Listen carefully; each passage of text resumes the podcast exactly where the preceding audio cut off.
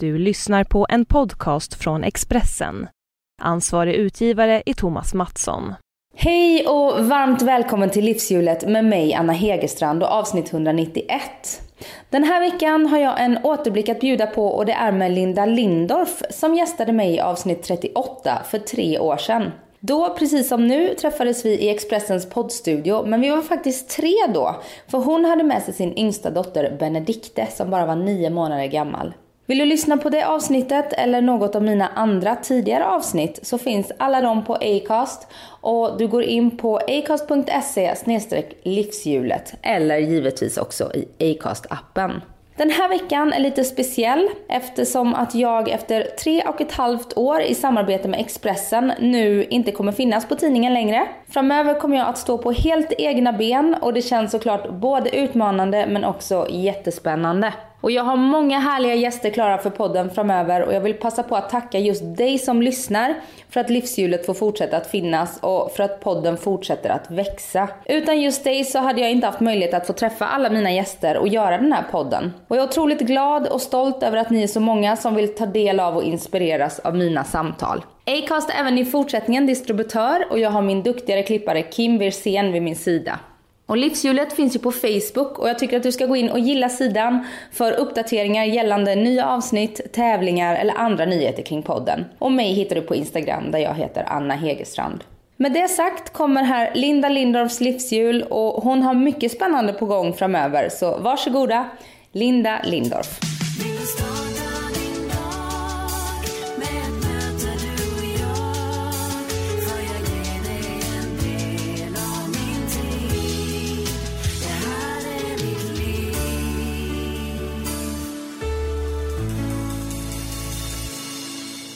Då kör vi nu då. och se vilka jag kommer ihåg från förra intervjun. No stress. Ja, Nej. Välkommen tillbaka i alla fall. Tack, jättekul att vara här. Jättekul att du kunde komma eh, efter lite taxistrul. Ja, jo men vi bor ju på Valhallavägen och det finns två Valhallavägen i ja. Stockholm. Eller en i Stockholm och en på Lidingö och det brukar bli förvirring ibland. Mm. Men det kom en taxi till slut i alla fall. Ja, och det är roligt att vara här. Det ja. var tre år sedan sist va? Det är nästan exakt tre år sedan. Ja. Det har hänt en del sedan dess. Ja, kan man säga. Mm, det kom och jag... ett barn till både för dig och mig. Nej, för sist så var ehm... Benedikte? Ja, hon kravlade omkring här på golvet. Är det sant? Jag stod ju med henne i famnen. Och eh, om, om lyssnarna vill gå tillbaka och lyssna på det ja. avsnittet så hör man henne tydligt. Hon var en stor del av den intervjun. Hon var nio månader då. Ja men det är klart så måste det bli. Mm. Jag minns inte att jag hade bebis med. Men det är klart hon var med överallt. Hon satt först i, i babyskyddet ja. och sen så när hon inte var nöjd med det så släppte vi loss henne här på golvet. Hon Fantastiskt. kröp omkring. Ja jag har en jättefin eh, bild på mig och henne. Ja, vad roligt. Ja hon var ju bara tre veckor när vi började spela in Bonde söker fru. Mm. Mm. Vilket jag nu då som, jag är inte nyförlöst längre men jag har ju bara haft barn i sex månader. Ja. Det känns helt otroligt för mig att, eh, att eh, börja jobba så tidigt. Ja. Men då var det mitt första barn och det var ditt tredje.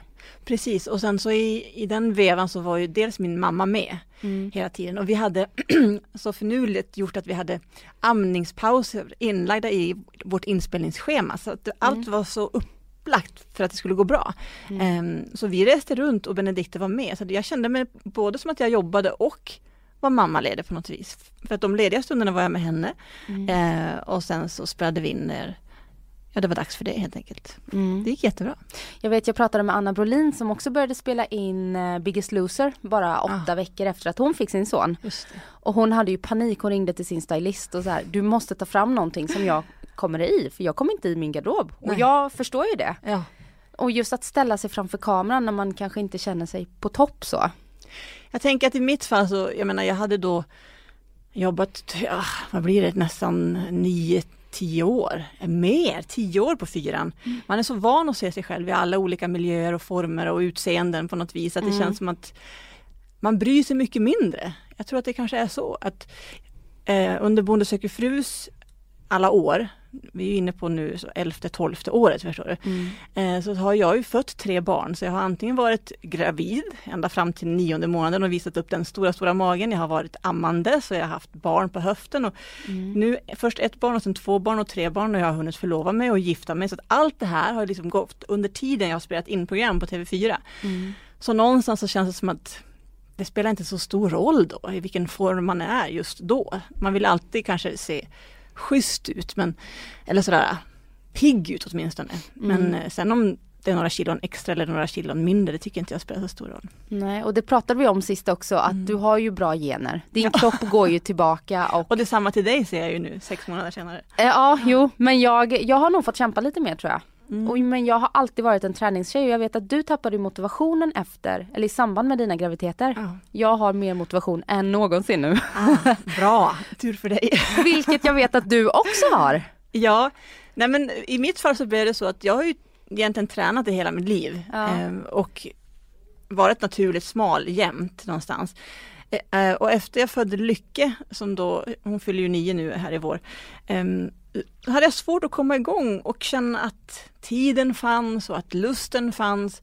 Och jag blev ju smal i alla fall, jag såg smal ut. Så den mm. motivationen hade jag inte heller, att jag behövde tappa någon vikt och sånt där. Så du jag, kom i din garderob? Liksom. Jag kom i min garderob och jag såg ut som vanligt ungefär. Eh, så, så kände jag att, äh, jag vet inte, åren gick och ju latare man, man blir desto svårare är det att börja om ja. också. Det, det blir som en ond cirkel på något sätt. Eh, och tre barn föddes och åtta år hann gå innan jag började träna på nytt. Mm. Helt sjukt faktiskt. Ja för man ska ju inte luras och tro att man är gravid i nio månader och att det är det liksom utan det är ju typ två år på varje barn. Ja. Eh, med amning och, ja, och sådär. Ja. Och så jag menar, rörlig har jag alltid varit, att jag har liksom hållit på och varit aktiv och rört mig och sådär, men inte aktivt tränat, alltså på åtta år. Mm. Och sen kom Let's Dance som en, en bomb ja. i mitt liv. Där jag drog igång mitt bootcamp på 15 veckor. Jag hade aldrig fattat för mitt liv att det skulle vara så. Nej. Att det skulle vara så intensivt och så mycket träning. Kroppen fick slita och kämpa men det var så roligt så det gjorde ingenting. Mm, och det var rubriker var och varannan vecka om eh, Lindas viktnedgång också. ja både det och alla mina skador. Ja skadorna med. Ja, det är väl så att, att om man filmas så mycket och under så lång tid då, då kommer väldigt mycket av ens personlighet fram någonstans. Eh, och jag är en sån människa som alltid har skadat mig ganska mycket. Jag ja, är lite ivrig och impulsiv eh, och tänker efter för sent. I kombination med att jag är lite klantig. Så, och eh, våghalsig tänker jag också. Eh, att du vågar kanske... utsätta dig för... jag säger sällan nej. nej. Eh, och därför blir det då ofta så att, att jag säger okej okay, och sen så händer någonting och så slår jag mig jättemycket. Um, och i Let's Dance blev det ju extremt, för jag sa ju aldrig nej och Christian hittade på massor av roliga saker, alltså min danspartner. Ja. Uh, och jag såg ut så här hela tiden, jag har ett jätteblåmärke här nu också, men att jag var blå på höfter och rygg och armar, jag slog hår på bakhuvudet, blodet rann och höften gick sönder, slets i, i två delar där. Uh, och den skadan har jag ju kvar, den är ju jättesynlig fortfarande. Den är som en, ja, alltså ena höften är slät och rund så som den ska se ut och den andra mm. är, är, som en blupp blupp. Alltså som en, ja, det är som en buckla. Där Har du problem av det eller är det bara utseendemässigt? Ja, det gör inte ont och jag eh, är lika rörlig som tidigare. Men jag ser inte ut som tidigare. Så att eh, Let's Dance 2016 har satt sitt spår på min höft mm. kan man säga. Men det var det värt? Det var det värt. Men jag träffade en naprapat som sa att hon har typ aldrig sett något värre. Oj då! Det kommer aldrig bli till sig. Nej. Nej, så det är konstigt. Men så länge det inte är några, att man har ont eller att det kan bli något i framtiden så? Ja, nej men exakt. Det gör inte ont. Jag, jag har inga men efter det, förutom det, det estetiska. Och det kan jag leva med. Mm. Och Let's Dance var ju som du sa en utlösande faktor i ditt träningsberoende kan man väl nästan säga. Ja. För jag hörde, jag lyssnade på um, Anita Schulman och Ann Söderlunds podcast mm. där de pratar om dig den här veckan. Jaha, oj! Ja, de pratar om att eh, du har tränat varje dag i princip sedan Let's Dance. Mm. Det stämmer faktiskt. Ja. Um... Ja men så här blev det med Let's mm. Dance. Jag trodde väl kanske inte att jag skulle vara kvar så länge. Eh, det blev en överraskning. Eh, jag visste inte heller hur mycket man skulle träna men vi började ju då tre veckor innan själva avsnitt ett av Let's Dance. Och då tränade vi ungefär två timmar per dag, varje dag inklusive lördag, söndag och det gör alla. Och så är man med första veckan och då tränar man lika mycket, så andra veckan så tränar man lika mycket och det är varje dag inklusive lördag, söndag. Och i mitt fall blev det då 15 veckor. Jag var ju med i 11 av 12 Let's Dance avsnitt, vilket är helt sinnessjukt. Och efter ungefär 5-6 veckor, alltså halvvägs in på säsongen, då fick vi istället för en dans, två danser. Och då gick ju träningstimmarna upp. Eh, det fanns fler timmar lediga i lokalen och alla började känna av konkurrensen lite mer och så var det två danser så då dansade vi ungefär tre till fyra timmar om dagen. Och i slutet inför semifinalen då dansade vi i alla fall fem, sex timmar om dagen. Och sen när det tog slut så var ju min kropp, den var ju liksom i toppform. Mm. Jag menar jag hade slitit så mycket i, i 15 veckor och gått igenom alla träningsverkar och allt sånt som man haft ont av och gått vidare igen och jag var hos naprapaten och sett till att kroppen ändå höll. Mm. Eh, och när Let's Dance tog slut så var min kropp som ett Alltså den behövde få röra på sig. Det var som att jag blev alldeles skakig som jag inte fick göra någonting. Eh, så, så, jag började springa och jag sprang varje dag och min kondis blev bättre och bättre och jag älskade att springa vilket jag inte hade gjort på så många år. Och det var så skönt, alltså jag var som ett lyckorus. Älskade det verkligen. Mm. Och de dagar jag inte tränade då kände jag mig lite rastlös. Som mm. att det var någonting som jag inte fick utlopp för. Eh, och det kan man ju tycka låter sjukligt och att eh, jag har något fel på, på mig då när jag pratar så. Men jag mår väldigt bra. Eh, och jag överdriver inte, jag har sprungit mellan 5 och 7 kilometer om dagen då under hela sommaren också och sen har jag fortsatt dansa med Christian för jag tyckte att dansen var också en helt fenomenal träningsform. Mm. Vi hade roligt, eh, två timmar går jättefort. Man tränar alla kroppens muskler, alltså rygg och hals och nacke och armar och ben och mage och höfter. Det är helt fantastiskt, man blir liksom stark överallt. Mm. Så det låter kanske som att det skulle kunna vara någonting farligt med att känna sig träningsberoende, men i mitt fall så har det känts bara bra. Jag har fått så mycket energi, jag känner mig så stark och, och levande. Jättehärligt. Mm. Och jag, jag tycker det låter helt fantastiskt för när vi såg sist då satte vi, kommer du ihåg att vi satte betyg på olika delar i livet? Gjorde vi? Mm, och då så satte du väl en trea eller fyra på hälsa. Oh. För du, eh, du hade inte kommit igång med träningen. Det är inte klokt. Mm, så det verkar ju som du är lite svart eller vit där, allt eller inget.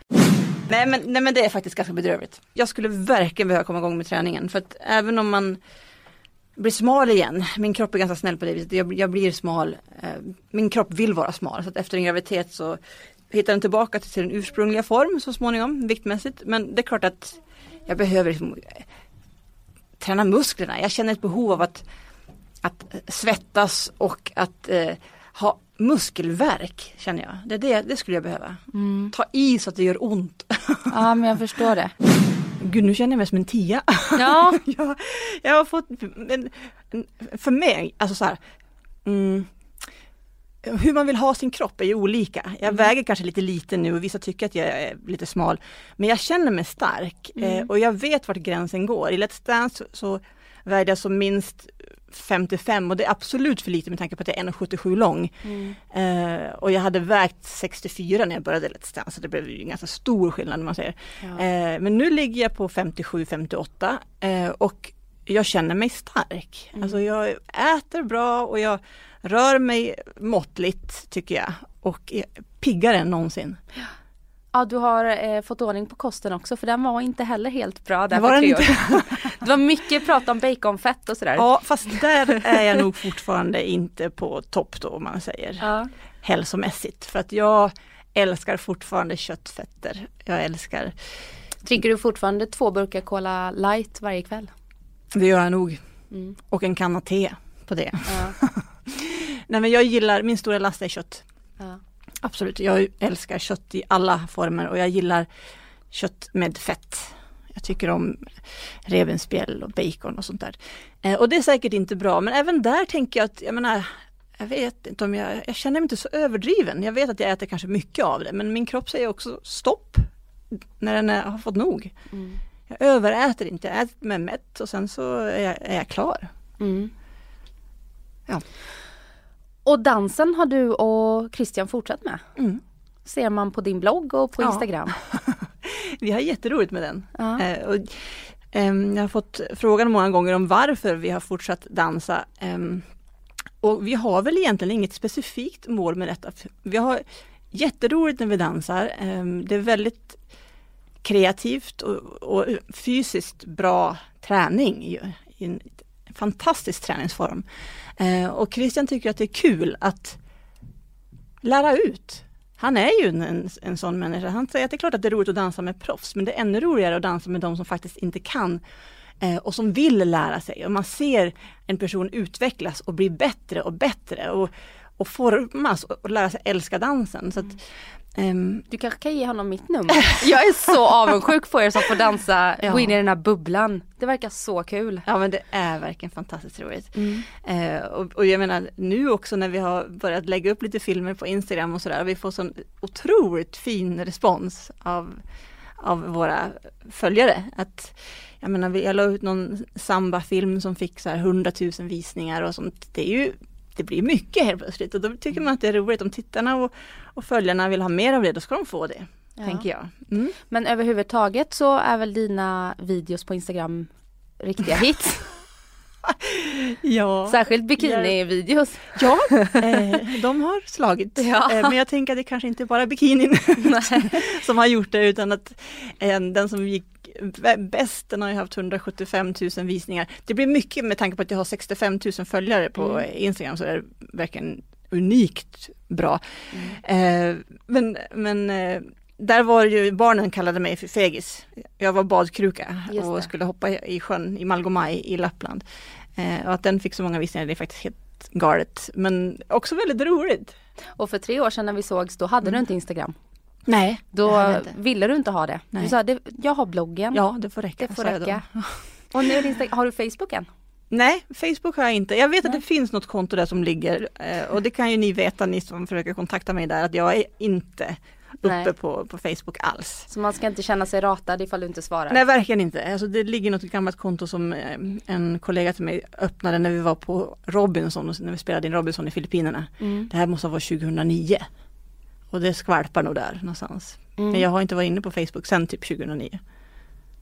Ja, oops. Så det är blogg och Instagram i alla fall. Men du är ganska väldigt liksom bloggar frekvent och eh, aktiv på Instagram. Ja, bloggen är ju eh, en, en, blogg som jag har på TV4 eh, och den går jättebra. Vi har runt 100 000 unika besökare i veckan. Oj, det är bra. Ja, det är fantastiskt. Det är jätte, jätteroligt. Eh, och sen Instagram, ja där är jag ju då som du säger ganska ny men tycker det är roligt för att responsen där är så direkt. Kommunikationen med de mm. som följer är ju så direkt och väldigt kärleksfull tycker jag. Det är roligt att se att, att folk ids ge komplimanger och berömma i den mån de gör. Mm. Jag menar att det är liksom en, en, en begåvning i sig, en, en talang att, att kunna ge någon en, en, en komplimang och bry, bry sig tillräckligt mycket för att göra det. Det är faktiskt så fint tycker jag. Mm.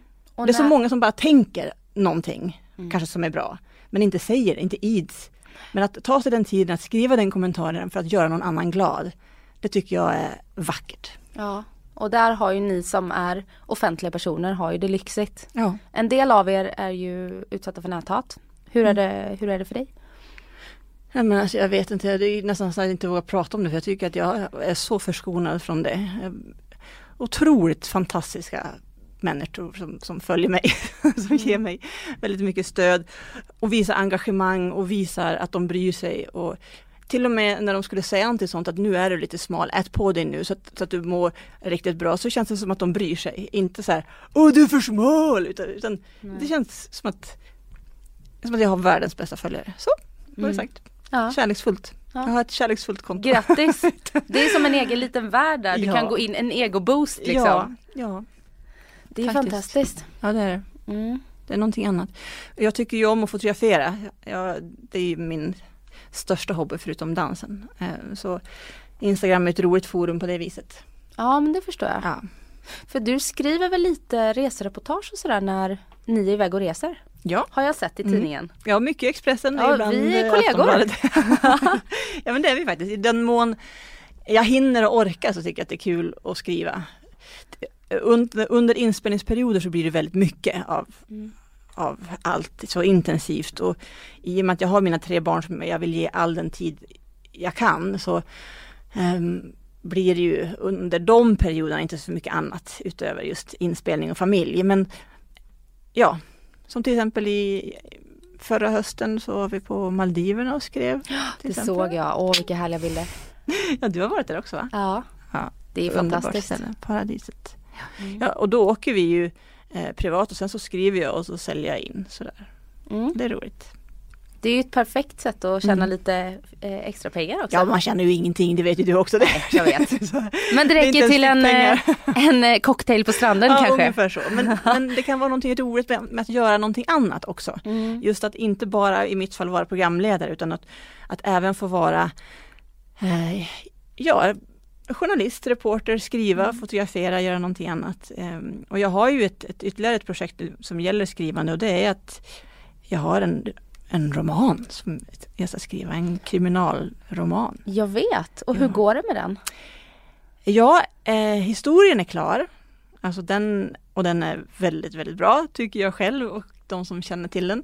Eh, och nu ska vi egentligen bara börja skriva. Och jag säger vi därför att vi är eh, tre om det här. Mhm. Eh, som på något vis blir någon slags författargrupp. Mm. Det är du. Marit Danielsson som är kanalchef på Sjuan eh, och eh, Magnus Abrahamsson. Eh, Marit och Magnus har en skilsmässopodd bland annat tillsammans. Ja, okej. Jag läste att det är någon som har varit med och skrivit manus till bland annat Rederiet. Ja det är Magnus Abrahamsson. Ja, det är det. Ja. Mm.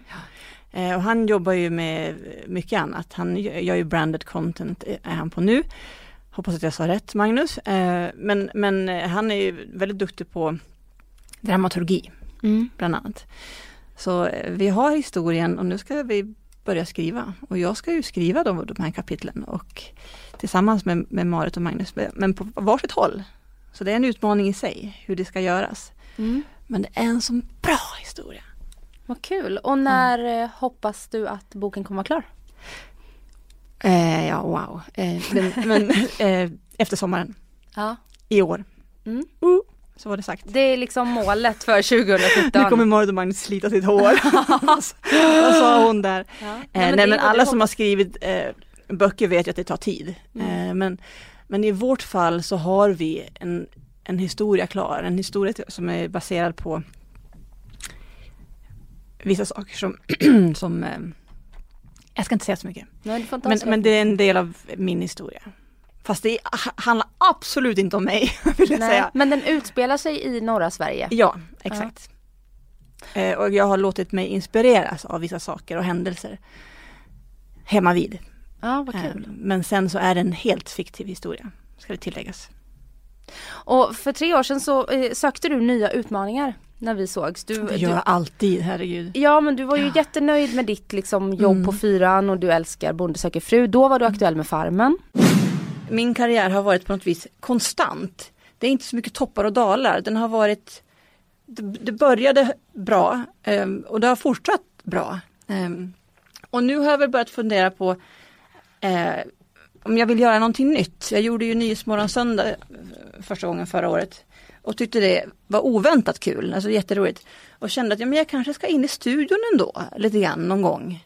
Men om du tänker det här med att du vill in i studion, skulle du kunna tänka dig att leda din egen talkshow eller vill du är det just det här Nyhetsmorgon i en programledarduo då eller? Nej men jag, eh, ja, jag, jag måste sätta mig ner och fundera lite grann på vad, vad jag faktiskt vill. För att Passa på Ehm. nu ifall någon Ja. TV4-chef lyssnar.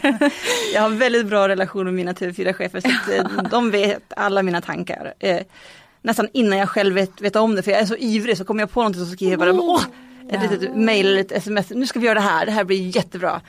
Ja ja, eh, så just nu till exempel så håller vi på med ett, ett programförslag som eh, jag ska pitcha eh, i februari, jättespännande. Min egen idé, får se, se vart det leder. Hemligt såklart. Mm. Och sen så har jag fått ett, ett, ett jobberbjudande att tänka på. Ehm, men om jag tackar ja till det så kanske jag måste tacka nej till någonting annat. Så det innebär en del funderingar. Eh, men sånt är ju roligt ändå att tänka men eh, ska jag gå vidare och göra någonting annat eller ska jag hålla kvar vid det som jag tycker är roligt och kan. Som just Farmen och Bonde söker fru är ju fantastiska format båda två. Bonde söker fru skulle jag inte få lämna ens tror jag om, eh, ens om jag ville. För att, eh, Nej, du är ju en ganska stor del av det programmet. ja, det har ju blivit så. Sedan dess har du gjort Hela Sverige syr, Mm. Linda och Djurens hjältar. Djurens hjältar. Mm. Eh, Let's Dance. Let's Eh, Dance. som du inte har lett men varit med i. Ja. Så att du har ju fått lite nya utmaningar. Mm. Och så Eh. stjärnkusken nu då. Och stjärnkusken nu. Mm. Som du tar över efter Jessica Almenäs. Almenäs. Ja, Mm. exakt. Ja, det, är, det är spridda projekt och det är väldigt roliga projekt. Ehm, Det handlar väldigt mycket om, om relationer och om eh, människor och i viss mån eh, tävling då i till exempel Stjärnkusken och sådär, eller Hela Sverige syr också. Eh, Men, men roliga program, jag är så nöjd med det jag gör på det viset. Ehm, Men, men sen så vill jag såklart göra lite andra saker också. Jag har ju en ah, evinnerlig energi, det är som att åh, jag orkar så mycket. och det kan, ju- kan ju vissa tycka att det kanske kan inte vara möjligt att man orkar så mycket, men jag gör det. Och därför så vill jag mycket. Men sen kanske det tar slut någon gång, den orken kanske tar slut någon gång. Men just nu så orkar jag med alla de här projekten. Mm. Och familjen. Ja. Ja. Det är ju fantastiskt. Och kan det ha med också att träningen är tillbaka? Det- Man får ju väldigt mycket energi av att Mm. röra på sig. Ja, och så får man väldigt mycket energi av fantastiska barn och en fantastisk man. Så att, eh, utan familjen så vet jag inte hur det hade gått. Det Nej. känns som att där landar man ju och där får man ju kraften och orken och, och lyckan och kärleken och sådär. Eh, och sen så det här kreativa, det får man utlopp för någon annanstans och så kommer man hem och så berättar man om, om allt och så går man vidare med sina idéer. Det är väldigt härligt Mm. sätt att göra det på tycker jag. Och nu när din minsting fyller fyra snart. Ja, det är ju inte klokt som hon fyller fyra. Åh, ja, i april. Och du på något sätt, för du sa ju det att hade du börjat tidigare så hade du kunnat tänka dig att ha ett helt fotbollslag. Ja. Eh, men nu så har du stängt eh, liksom den dörren. Och då är det Ja. liksom så här, ehm, ja. Då är ju det kapitlet klart i livet. Mm. Om man tänker som mig då, jag vet ju inte, jag kanske vill ha Antingen så, så får jag en son eller så kanske jag får tre barn men Mm. jag har ju fortfarande liksom Jag går ju och funderar på det här fortfarande. Ja. Så att jag är ju inte eh, över den tröskeln. Men du är ju över den tröskeln. Mm. Eh, och det var ganska intressant tyckte jag för att jag var ju klar, trodde jag, efter två barn. Mm. Det kändes jättebra och självklart. Eh, men det var jag inte alls, för när jag började plocka i gamla barnkläder som de var urvuxna och de skulle upp på vinden så kände jag ett enormt behov av att jag är inte alls klar. Alltså det slog ner som en, en blixt bara. Jag behöver fler barn, mer. Jag vill vara gravid igen. Och så. Ehm, så då blev jag det och där kom Benedikte. Ehm, men, men nu känns det jättebra. Alltså familjen känns komplett. Det känns väldigt bra med tre barn. Det är en, ja, ett bra samspel mellan dem och mellan oss. Det funkar jättebra. Mm. Och känner du att du har balans mellan eh, de här olika delarna i livshjulet? Barn och eh, jobbet, eh, hälsobiten och sådär. Känns det som att ja, Mm. men nu snurrar hjulet sunt liksom? Ja, jätte, jättesunt känns det som. Jag har mycket tid, alltså em, intensiv tid med min familj känner jag. Mm. Jag känner mig närvarande och mina barn mår bra och min man och jag har det väldigt bra. Eh, så ibland har vi mycket tid och ibland har vi lite mindre tid men det känns alltid jätteskönt och bra. Eh, och jag tror att det är det viktigaste, för där hämtar jag den mesta energin och orken och till och med kreativiteten någonstans. Det bottnar allt i tryggheten i min familj. Jag är en stugsittare, jag tycker om att ha min familj och- nära mig och runt omkring mig hela tiden. Ehm, och jobb har jag absolut tillräckligt mycket av. Eh, ibland kan man tycka att det är lite mycket. Eh, men sen så saktar det ju ner och så blir det lite mindre eh, och då jämnar det ut sig. Så det finns en balans även där någonstans. Och träningsbiten har jag ju fått, verkligen fått fart på. Det känns superbra. Jag tycker det är kul att få fylla 45 år, vilket jag gör i, i februari. Och känna att jag är mer nöjd med min kropp än kanske någonsin i mitt liv. Efter att ha fått tre barn och varit Ja. gravid tre gånger. Ja. Men det har ju också med, med en mognad och ett, ett, en självkänsla att göra. Som, självkänslan blir ju starkare med åren också. När man vet att man är bra på någonting och har lyckats med någonting så blir man ju tryggare i sig själv så att säga. Så det kanske hör ihop. Men jag, jag tycker att det är roligt att det får kännas så. Mm. Att jag känner mig stark och smidig och gärna går omkring i bikini. Ja. Utan att skämmas. Ja. Och självkänslan, har du jobbat på den eller har den kommit automatiskt med åren? Ja, men mina föräldrar har varit väldigt bra på att ge mig eh, trygghet och mycket kärlek och ansvar och det är grunden till ett bra självförtroende och en bra självkänsla. Mm. Eh, så att jag är uppvuxen med att vara trygg i mig själv. Eh, men när man är 20 år och tror att man har världens bästa självkänsla och självförtroende så har man ju inte det i jämförelse med när man är 40. Alltså jag har ju absolut ännu bättre självförtroende och självkänsla nu än när jag var 20. Så blir det ju för att jag har hunnit, hunnit testa på mycket mer. Jag har testat på att vara mamma. Jag har provat en karriär och, och, och jobbat och känner mig ja, lyckad med olika saker i mitt liv som jag inte gjorde när jag var 20. Vad hade jag gjort då? Vad hade jag hunnit med då? så, mm. Eh, så det är ju viss skillnad. Man känner sig ju ännu tryggare, tycker jag, i sig själv i min ålder än när man är yngre. Eh, men nej, jag vet inte. Du har, eh, har du gått i terapi? Terapi? Ja. nej. För vad då? Nej men eh, Alltså bara allmänt? Allmänt, ja. ja. Nej, jag har klarat mig ganska bra faktiskt från det. Jag har mycket nära vänner och en, en bra relation med mina föräldrar. Jag tänker att och min man då nu, att jag pratar med dem om det skulle vara något knasigt. Mm. Har du lätt för att öppna upp dig? Ja, med de som är närmast men absolut inte med alla. Nej. Men jag har ett stort behov av att prata om hur det känns. Det är jätteviktigt.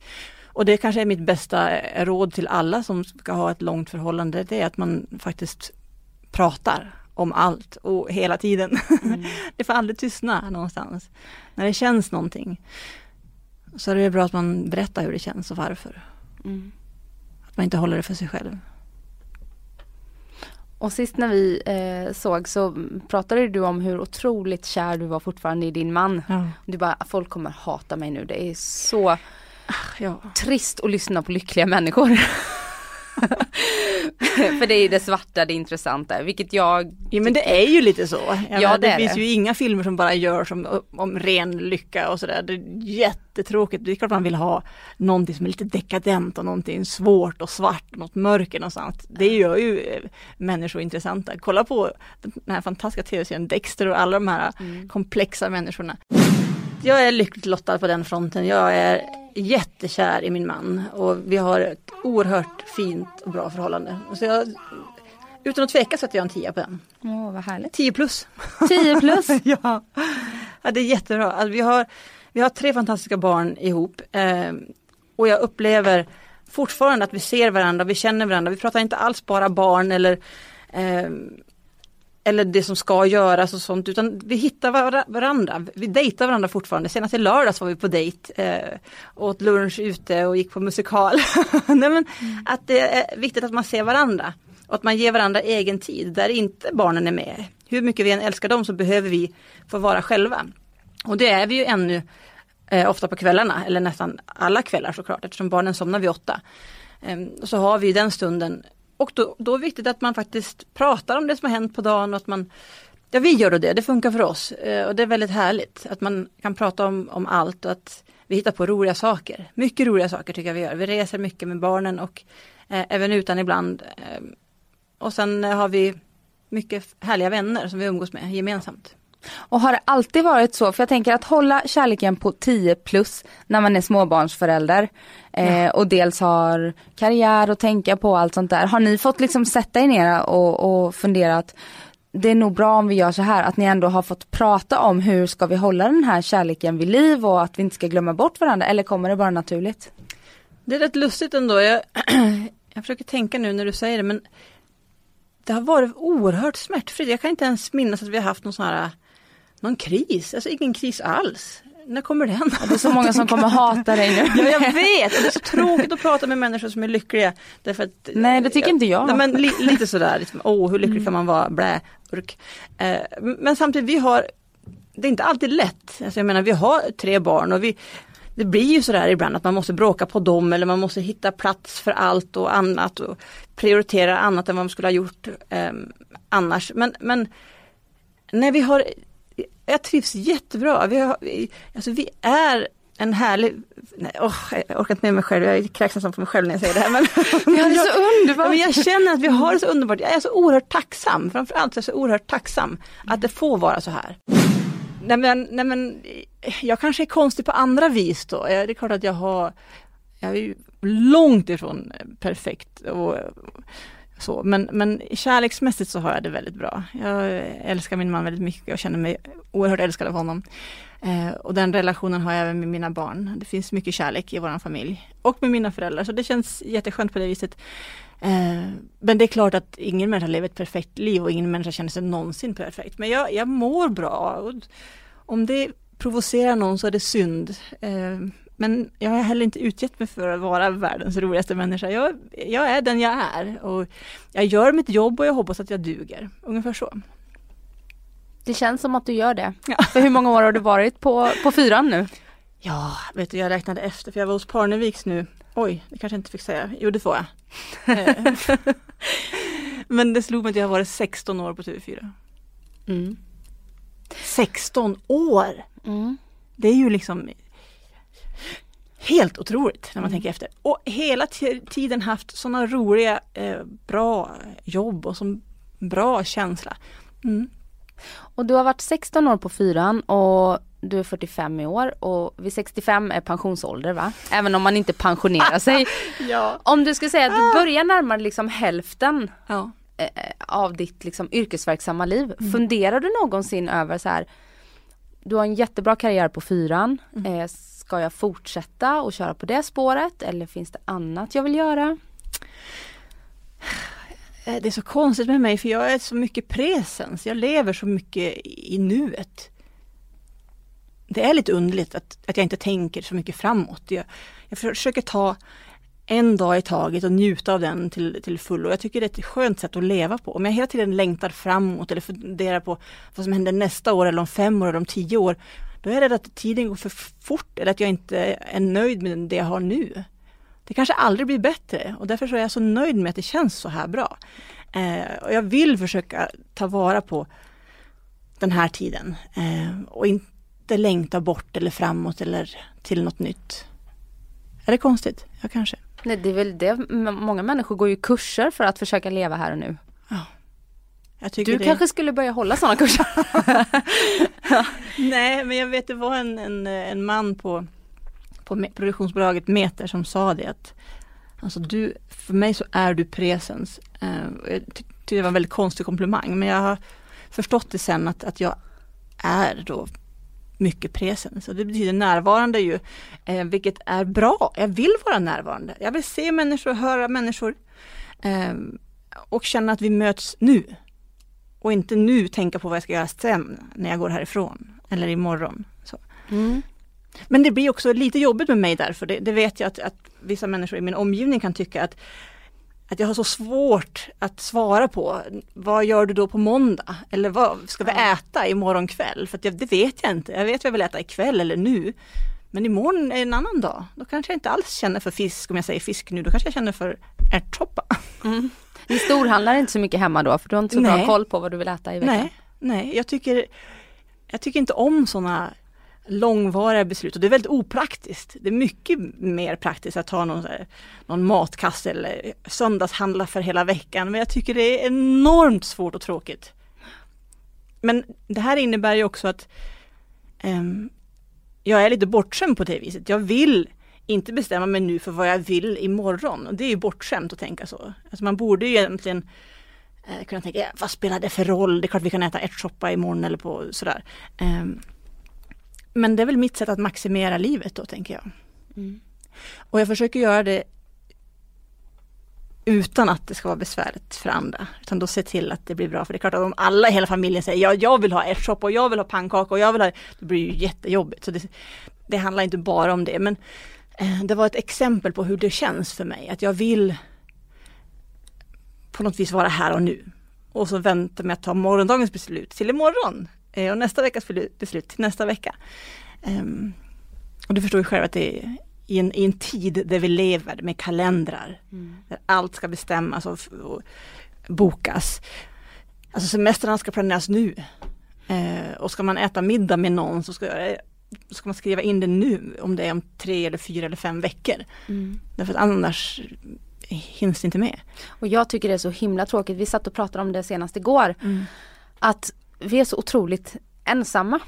Eh, för att det är så omständigt när man ska få till att träffa Ja. någon annan. Så istället sitter man hemma. Vi ska nu träffa eh, några vänner och deras barn på lördag. Mm. Det, har varit, det är en, en Facebook-tråd som är två kilometer lång om Jag var ska vi ses, klokt. vilken tid. Våra barn äter 11, ja nej för vi äter ett. Ja. Och det, det blir så omständigt Ja, liksom. Vad Istället för händer med det spontana? så tråkigt, ja. Exakt, jag gillar ju, det älskar jag. När någon då säger så här, Mm. vad, vad sägs om en spontan middag, kom hit ikväll. ja. Ja, Och det behöver inte vara allt. dukat med finporslinet utan Nej, man kan ja. köra knytis då. exakt så. Det, det är så underbart och det, det blir alltid så mycket roligare för om man också planerar för långt i förväg och har för stora förväntningar och längtar för mycket, då kanske man inte lever upp till det. Alltså, tillfället lever inte upp till förväntningarna och det är också tråkigt. Mm. Men om det är spontant, det, det händer impulsivt, då är det oftast ganska bra. Mm. Eller bäst helt enkelt, tycker jag. Mm. Sen vet ju jag att du just nu går eh, med ett problem som kanske hade krävts lite mer planering. Inför morgondagens Elgala Jaha. och din nakenklänning. jag såg det, att du ska ju ha en jättevacker kreation av Ida Sjöstedt. Ja. Men den var ju visst genomskinlig. Den är helt genomskinlig. Jaha, har du löst problemet? Nej men alltså den är som, den är som, den är som, eh, den är som luft med små blommor på. Du kommer ju få den största bilden i alla tidningar, det förstår du va? Beroende på vad jag har under förstås. Ja. Ja. Eh, nej, jag, jag eh, såg den på bild och tyckte den var helt fantastisk. Det är ju en coutureklänning. Mm, alltså det finns bara en, den är handsydd, den är så fin. Med lång ärm, den är väldigt kort förvisso. Men när jag såg den på bilden då såg det ut som att det var eh, ja, åtminstone tätt ner till, alltså vitt tätt tyg ner till. Eh, och sen ja, den tjejen som hade på sig den, den, den är väldigt urringad dessutom, nästan ner till naveln. Ja, då tänkte jag det löser jag på något vis med någon liten bh eller något. Och så tog jag på mig den där och tittade mig själv i spegeln. Ah! Allt Jag ser allt! Men hur har man... Till och med naveln, allt syntes. men hur är det tänkt att man ska bära en sån klänning då? Ja, jo, men eh, Ida själv sa att jag kunde ha en, en lite större underbyxa, alltså en sån rejäl mormorstrosa. Och sen ingenting upp till att man bara tejpar de här brösten. Ja, på något snyggt vis. Och då tänker jag att jag är inte 17 år och jag är inte modell eh, och ska inte gå mannekäng på eh, någon scen imorgon, någon catwalk. Så att, eh, det låter som ett, ett galet förslag. Alltså snyggt, men Ja. kanske inte för mig. Eh, men, men sen har jag provat med så mycket olika varianter av underklänningar och bh och allt. Och jag kommer inte fram till hur det ska bli egentligen. Nej, så det kanske blir en nakenchock. Men det kommer bli, nu när den här podden sänds, eh, sänds Ja. så har ju Elgalan varit för ett Ja. par veckor sedan. Men så det ska bli spännande då. Eh, Eh, och se Lyssnarna var vi landar. vet någonstans. ju. Ja. Eh, ja, men, men eh, det här med att, att tejpa och sånt, det kanske blir en sån variant imorgon. Spännande. Jättespännande, Men till och med för mig. men för just- Jag vet inte än hur jag kommer att se ut imorgon. Nej, och det är torsdag eftermiddag nu. Mm. That's my life. Ja, that's your life. Kan sluta hur som helst. Ja, och sen har jag en fråga. Det har ju varit eh, en del skriverier kring eh, Kristallengalan. Och det här med att Bonde söker fru ju inte får något pris. Jaha. Och eh, att du hotar med att lämna festen och att du blivit så besviken. Ja, eh, förra året så var jag ju besviken och då reste jag mig och gick. Och, och det är faktiskt en, en sanning. Eh, men också mest för att visa att äh, nu räcker det. Vi har ju fått så mycket fin kärlek och så bra respons och sådana trogna och engagerade eh, tittare. Så jag tyckte att det var våran tur. Jag tyckte verkligen det efter typ 11 år. Eh, men, men i år så hade jag inte sådana förväntningar och jag var inte alls på dåligt humör. Jag var faktiskt inte det. Eh, och det där att jag lämnade galan skrikandes, det är faktiskt en, en ganska eh, stor överdrift. Eh, jag gick ut och gjorde Åh, jag är så arg! Så gjorde jag. Eh, och så skrattade jag för jag var där med Krille Åkerlund som är producent för mina djurprogram. Och sen så gick jag på toaletten och så gick jag och satte mig igen och var kvar ända till typ 11. Eh, och sen gick jag hem för att det var söndag och barnen skulle upp till skolan och jag skulle jobba. Eh, så jag gick inte alls hem och var arg eller besviken på det viset. Eh, jag har förlikat mig med tanken på att, att vi inte kommer att få något pris eh, någonsin och att vi inte heller behöver det. Därför att, att vi har 13 bebisar och så mycket kärlek och 12 bröllop, det är det bästa priset man kan få någonsin. Så jag är väldigt nöjd ändå. Men varför får inte Bonde söker fru pris då? Ja, eh, Tror du? Ja men det tror jag faktiskt beror på att, att man hellre premierar nya program. Bonde söker fru har funnits så länge så det blir kanske lite tråkigt att eh, och ge, ge oss ett pris, tänker jag. Och att vi säljer oss själva. Ett sådant stort program behöver ingen draghjälp heller. Så för de som sitter i den där juryn så kan man ju tänka att det är roligare att lyfta fram något som är nytt och oprövat.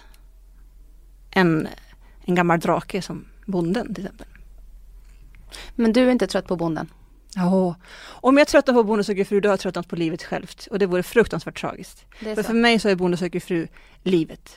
Det är människor som längtar efter kärleken, efter att få känna sig älskad och själv få älska. Det finns inget vackrare, det finns inget bättre. Eh, det är nya människor varje år eh, och jag får möta deras innersta drömmar och längtan. Och jag känner mig så privilegierad. Alltså det är verkligen så sant. Mm. Är Bonden det sista programmet du skulle släppa? Ja, där. Jag, har, jag är den enda som har varit med från början och det känns som att det är en så stor del av mitt liv. För att parallellt med böndernas kärlek så har jag också funnit min kärlek och hunnit just förlova mig och gifta mig och få tre barn. Så att alla år och de bönderna som var med det året förknippar jag med en händelse. Jaha, ja men Roger på Jussi ja men just det, då var jag gravid där i, i åttonde månaden, ja just det, då var det Vilhelmina som var i magen, ja men just det. Mm. Och så kommer du vet nästan så att jag, det känns som att mitt liv hör ihop någonstans med Bonde söker fru också. Mm. Man kanske kan göra ett extra avsnitt där du får dela med dig din man och dina barn. Och vi får följa Eh, ja. Linda här. Ja, nej men, nej men kärleken är ju bland det största som finns, alltså det, om inte det största. Eh, och det kan man göra på många olika vis. Men jag, Bonde fru har ju verkligen visat sig lyckas. Alltså det är ju, folk hittar ju kärlek och gör barn. Det är otroligt. Det är nästan, eller vi är väl det enda programmet som lyckas på det viset. Mm. Att vi skapar liv. Jag, man får nypa sig i armen ibland och tänka att det faktiskt är så. Eh, så att även om det är ett program som görs för underhållningen på TV4 eh, så förändrar det folks liv. Eh, och därför så är det någonting mer än bara ett underhållningsprogram. I alla fall för mig, men jag tror även för våra tittare. Mm. Och så sänds det ju när det är som tråkigast Ja, ute och så Ja. får man de här härliga landsbygdsmiljöerna mitt i sommaren. ja. Det är ja väldigt- men det är jättehärligt. Men jag känner också att jag menar, jag har ju alltid varit intresserad av relationer och eh, kärleksrelationer och kanske pri- primärt, men att ehm, jag gör det även med andra människor. Så att om, om det är någon som vill så kom gärna fram så ska vi se om vi kan göra något. Mm. När jag jobbar med andra program så får jag ofta den frågan av då kanske deltagare som är singel. Kan inte du hjälpa mig att hitta kärleken? Så tänker jag, det ska jag. Det är Har kanske du lyckats format. någon gång då? Kanske Ja. köra... Ja. Ja. Det tycker jag. Eller jag har i alla fall tussat ihop folk. Det har jag gjort ända sedan jag var tonåring. Du är en bra Försökt. kärleksmäklare. Ja, just det. Det är ju perfekt. Även där ett litet sidospår. Sidospår. Ja. Nej men jag tycker, alltså, min man brukar säga att jag är fanatiskt intresserad av, av, av relationer. Och han menar inte ingenting negativt med det, men jag, jag kan verkligen gotta ner mig i just sånt. Jag tycker det är oerhört intressant att se hur, hur folk möts och när kemi uppstår och varför det uppstår mellan vissa och inte andra och vad det, vad det beror på och hur den går vidare och, och utvecklas. Jag tycker det är så häftigt. Mm. Alltså det finns inget bättre. Har du bra näsa för vilka som skulle passa ihop? Om, säg att du har en kompis som är singel, att du skulle kunna bjuda hem, eh, ställa till någon middag, så här, de här skulle passa bra ihop och så visar det sig stämma då. Eh, ja, det kan jag nästan tycka att jag har, men grejen är det här magiska med kemin som man pratar om. Vad är det? Det är så abstrakt ju. Eh, man kan tycka att den här personen borde vara perfekt för den här personen. Men när de möts, så va? Det finns ingen energi där, hur kommer det sig? Varför finns det inte? Och även om du känner de personerna jätteväl så måste man se dem i samma rum för att veta om det kommer att hända någonting. Men när man har sett dem tillsammans, en gång räcker. Då kan man se ifall det kan bli någonting eller inte. Jag tycker det syns direkt, det är nästan påtagligt, man kan känna när två personer möts. Det här tror jag jättemycket på. Jag tror oerhört mycket på att, att vissa människor klickar direkt och andra inte. Man vet inte alltid varför. Jag har ju en liten teori om att vi har kanske levt förut, att man kan ha träffat någon i ett tidigare liv. Det låter väldigt flummigt men jag, mm. eh, det är ibland så märkligt när man möter någon och så tänker man att jaha, det här är ju exakt min typ egentligen. Kvinna eller man spelar ingen roll. Eh, men man känner inte riktigt, ja, det kan till och med gå så att man inte kommer ihåg personen efter en månad nästan. Som jättemärkligt. Och sen så möter man någon in, in, en taxichaufför eller vem som helst, men bara en kort, kort minut. Och så tänkte man att det var någonting med honom. Eller det var någonting med henne. Varför? Mm. Och varför tänker jag på den där personen jättemycket? Och, och ofta, vad händer där? Och så när man möts igen så känns det uh, igen, som att varför känns det som att vi känner varandra? Och det kanske det kan vara en person som man inte egentligen borde gilla. För att det är så här att ingenting annat stämmer. Men kemin finns där. Mm. Och det tycker jag är urhäftigt. Var det så när du träffade din man? Ja, absolut. Så då skulle ni i så fall kunna ha eh, känt varandra i tidigare Jag är liv. helt säker på att vi har känt varandra i tidigare liv. Minst ett liv. Mm. Eller flera. Det var otroligt självklart med Jakob. Mm. Och sen så vet ju jag att du och Christian har eh, ett litet kul projekt på gång.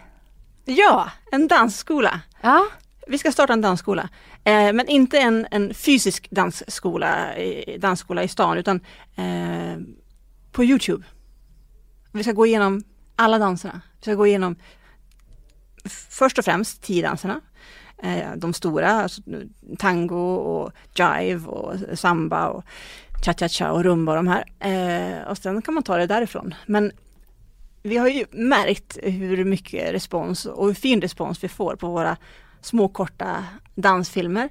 Eh, och hur många som faktiskt älskar dans och vill lära sig mer om dans. Eh, och han är ju den begåvade av oss två såklart. Det är han som är dansproffs och danslärare. Men du har ju lärt dig eh, otroligt mycket. Ja, jag har lärt mig ganska mycket och, framförallt så är jag en, en tacksam elev och försökskanin. så, när han gör sina tricks och lyft och sånt där så säger jag bara ja. ja. Och sen så sliter han tag i mig så gör vi någonting och sen så landar jag förhoppningsvis på fötterna och, och inte på huvudet. Eh, och det här blir också ganska roligt har vi märkt när vi filmar eller någon filmar oss. Och vi småbråkar ibland och vi skrattar väldigt mycket och framförallt så har vi kreativa och roliga lösningar på olika danser och folk vill se det och de vill vara um, Då tänker vi att då gör vi så. Så då ska vi göra, det blir ett experiment kan man säga. Det tar ju tid innan man får eh, många följare på, på Youtube, eh, framförallt om man startar en egen kanal. Sådär. Eh, men det är som värt ett försök. Jag slängde ut några filmer på skoj bara och fick direkt så 12 prenumeranter. Jaha, tänker jag, ja men då får vi slänga ut några till då. Ja. Ehm, jag vet inte ens riktigt hur det funkar med prenumeranter och sånt där men det, det är roligt som ett sidoprojekt att göra någonting sånt, känner mm. jag. Och det är roligt att få dela med sig av någonting som man tycker är så pass kul. Eh, och kan våran glädje ge andra glädje så är ju det fantastiskt. För jag menar, en sån sak kostar ju ingenting för någon att titta på. Och vi gör det för att vi tycker det är kul. Um, så jag tycker det känns som en bra början ja, på ett roligt projekt. Lycka ja. till! Tack så mycket! Ska jag gå in och lära mig uh, jive? Ja, är det jive du vill lära dig? Eller? Jag vill egentligen lära mig alla danser ja. men jag gillar ju det fartfyllda. Exakt, det är jag kul. också. Mm. Och, och tricksen. Ja. Jag ska göra några extra tricks för din skull. Nu, ja, gör det. Nu har jag ju ingen att dansa med men uh, jag tror inte min pojkvän där hemma är supertaggad på att lära sig jive. Ah, du tänker så ja. Ja, då får vi väl starta en fysisk dansskola efter det. Ja. Vi, vi, börjar på Youtube och sen så Det här kanske bara är början ja. ja. ja men vad roligt. Ja, jätteroligt. Hur ser din tro ut annars? Jo men jag är ju eh, kristen. Eh, jag bär korset, tror på Gud, eh, men jag är inte aktiv i kyrkan. Men jag kan läsa bibelcitat ibland och tycka att det är eh, fint att det handlar väldigt mycket om kärlek. Eh, om att vi ska vårda varandra och ge förlåtelse och älska. Och det tycker jag är fint. Sen så, eh, ah, ja jag vet inte, jag, jag har ju, ja, har, det är svårt att säga vem Gud är och allt det där och jag behöver inte gå in på religion heller men det vore ganska bra om man åtminstone kan tro på godhet, kärlek och förlåtelse. Sen om det är en gud eller om det är vad det nu är, ett löv eller ja. en sol man, man tillber eller, eller ens tänker och tror på, det spelar inte så stor roll. Men det är bra om folk lite oftare fokuserar på goda tankar och på kärlek och att kunna förlåta. Och med de kloka orden så, så tackar jag så jättemycket för att du kom hit Linda.